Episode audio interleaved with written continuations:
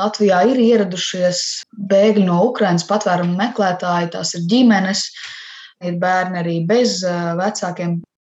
Viņi ir mājasaimniecībās, viņi ir skolās, viņi ir universitātēs.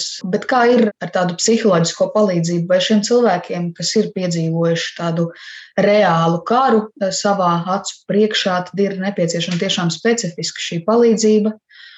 Vai jūs arī novērojat, ka Latvijā par to ir padomāts kaut kā? Jā, ir padomāts par to. Ja varbūt pirmās trīs tās šoka dienas, kad sākās uh, karš uh, Ukrajinā, tad kamēr sagrupējās, kamēr sakārtojās, kamēr katrs psihologs saprata, kas uh, viņam būs jādara, jā, jau, un pēc nedēļas jau viss jau aizgāja ritmā, jo mēs jau godīgi sakām, strādājam jau tagad divus gadus Latvijā Covid, un, un tā arī ir tāda paša krīze līdzīgi, jā, kā arī šis gadījums, kas, protams, ir traģiskāks, kas notiek Ukrajinā. Un uh, psihologi ir sagatavoti, un, un arī pēc Zolītūdas notikumiem, jā, kad bija tiešām ļoti daudz psiholoģijas joma aizdomājas par to, kādā veidā, ja notiek lielākas avārijas vai kaut kāda krīzes momenta, traģēdijas, kā strādāt. Un pie tā jau tiks strādāts un ļoti daudz arī izglītības eh, psihologu klīniskie psihologi, tāpat militārie psihologi apguva dažādas papildu zināšanas, kā strādāt ar krīzē nonākušiem cilvēkiem.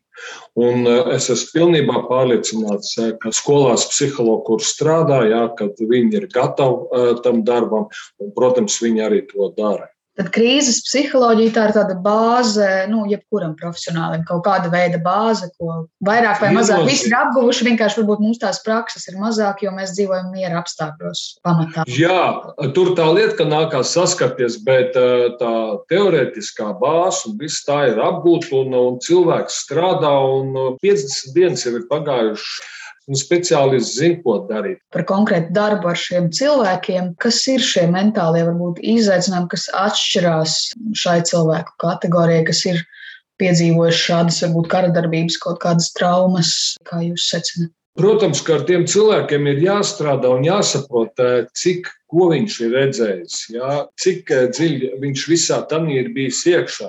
Jo ļoti atšķirās, cik es arī esmu parunājis ar daudzām eh, nu, bēgļu grupām, jā, kur ir izbraukuši tad, kad vēl nebija nekāda raķešu uzbrukuma. Jā. Bija tādi, kas tiešām bija nodzīvojuši pagrabos un redzēja visas tās apšaudas Tas ir jāizvērtē, tas ir jāskatās, un, un katram tas būs stingri individuāli. Nu, Pirmkārt, nu, parādās noliekšana, emocionālais šoks, bezpalīdzība, bailes, dusmas, vēlme atriepties, bēdas, sērs. Tad var būt arī vainas sajūta mamam, ka viņi nav jau varbūt ātrāk izbraukuši ārā no Ukrainas. Tad tāpat tās var jau novērot depresijas pazīmes, bezcerība. Un tad, protams, arī ir fiziskās, teiksim, varbūt slikta duša, paaugstināts asinsspiediens, nogurums cilvēkiem parādās. Un, protams, izmaiņas arī uzvedībā. Tā ir vai nu klusēšana, vai impulsīva, haotiska uzvedība, izmaiņas, nu, teiksim, mēšanā, dzeršanā. Tad noslēgšanās varētu eh, būt no visiem apkārtiem. Tāpat tās reaģē uz skaņām, uz gaismām. Tas ir vesels spektrs, jā, kad ir jau jāredz, kad ir cilvēkam vajadzīga palīdzība. Un jo ātrāk arī cilvēks griezīsies pie speciālista pēc palīdzības, Tās iespējas ir ļoti labi. Materiāli ir, ko es pats pirms ar jūsu sarunas arī paskatījos, palīdzību Ukrainai, ja, kur ir kontakti tālruņi, kur ir īsas instrukcijas pamācības, kā uzklausīt, kā nomierināt tos bērniņus, kuri ir ieradušies no Ukrainas. Tā, kā, tā informācija viņi ir sagatavota. Vai viņi meklē to palīdzību arī? Godīgi jums pateikšu, ka meklē. Man zvan ļoti daudz, un, ja jums godīgi teikšu, arī pa nakti, ja ir problēmas, un mēs meklējam, jo ir, ir telefona numurs, kurus var iedot tās krīzes centra skalbes. Galvenais, lai cilvēks būtu informēts un lai viņš zinātu, ka viņam ir kur griezties. Neviens nav atraidīts. Ja teiksim, nevar militārie psihologi šī brīdī, jo mums ir savs algoritms, kā strādāt, tad jebkurā gadījumā es iedot koordinācijas un pārliecinās, ka viņš nepaliek bez palīdzības. Mūsu sabiedrība sastopās ar šiem cilvēkiem, kas ir tas labākais veids, kā komunicēt. Vai mums arī par kaut kādām lietām jāpiedomā reizēm, ko neprasīt? Es, es domāju, ka viennozīmīgi nu, nav mums jāuzbāžās ar saviem jautājumiem tikai tāpēc, ka man tas, teiksim, varbūt interesē, kā tas ir gājis vai kā viņiem jūtās. Jo viņi paši pastāstīs, ka ir vajadzīgs. Nu, tas katram cilvēkam ir jāsaprot tās pieklājības normas. Jā, jā tu sasveicinājies ar to cilvēku, pasaka, nu, turamies. Bet, ja mēs sākam izrādīt jau to līdzjūtību tādā pārspīlētā veidā, tas arī viņiem ir jau apgrūtinoši. Jo viņiem atkal jājūtas vai nu vainīgiem, un arī otrs ir tas, ka mēs paši jau sākam justies par kaut ko vainīgu. Mēs neesam ne pie kā vainīgi. Mums ir jāsaprot, ka mēs katrs darām savu darbu.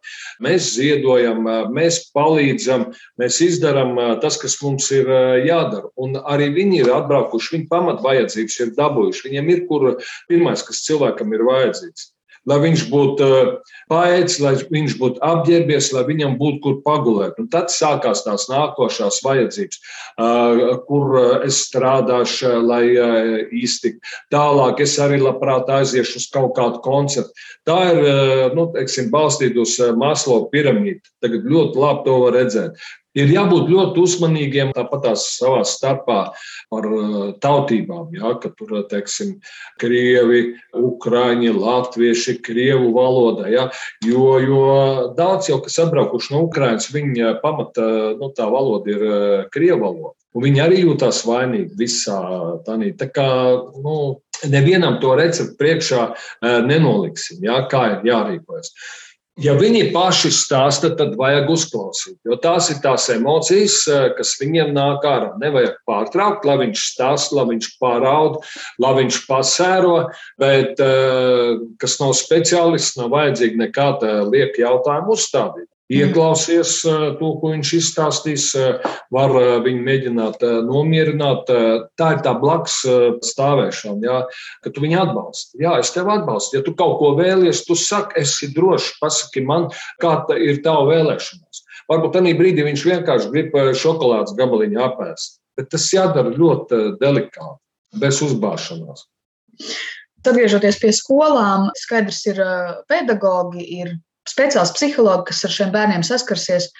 Bet ir arī klases biedri bērni. Vai te arī var būt vērts Latvijā vecākiem, nu, ģimenēm ar tiem saviem bērniem arī pārunāt to, ka Latvijā ir šie bērni arī no šiem apstākļiem? Viennozīmīgi, jo mums ir jādzīvo visiem kopā. Tagad mēs visi dzīvojam kopā, un tāpēc arī ģimenēs ir jārunā ar saviem bērniem, jāstāsta par karu notikumiem un kāpēc viņi ir atbraukuši uz Latviju. Ne jau labāk dzīvi meklējot, bet tāpēc, ka viņi bēg no briesmām. Bēg no tā, lai viņi izdzīvot, lai viņi paliktu dzīvi. Un, ja to mēs saviem bērniem iemācīs un pastāstīs, tad, protams, viņi arī to sapratīs. Mums ir gudri jaunatni, mums ir gudri bērni, ar viņiem ir jārunā, un, un, un es domāju, ka tur tādā ziņā problēmas neradīsies. Galvenais, lai vecāki varētu sadzīvot savā starpā. Un ka katrai vietai jābūt mērsajūtai, tolerancei. Bet tāds kopējs secinājums, ka palīdzība tieši tāda specifiska krīzes psiholoģija arī ir pieejama šiem cilvēkiem, speciālistu netrūkst. Protams, ka nākās arī nu, gaidīt. Es zinu, ka arī rindas izveidojušās, ja, un arī tie resursi ir, ir jāatjauno. Tas ir viennozīmīgi, arī psihologiem, ārstiem, ja, jo, nu, ja tu pats būsi izdedzis, tu jau nevarēsi citam palīdzēt. Un arī mums pašiem visiem ir jāsaprot, cik mēs paši varam izdarīt, un arī ir jātaupa resursi. Savējie resursi. Tāpat tas ir fiziski jāatpūšas, aktīvā atpūta. Nav jāsēž ne pie televizora no rīta līdz vakaram. Ir jāpavada kopā ar ģimenēm, bērniem. Tā jau ir mentāla atpūta. Ja? Nekā tu visu laiku tikai domā un kļūst līdzatkarīgs visos notikumos.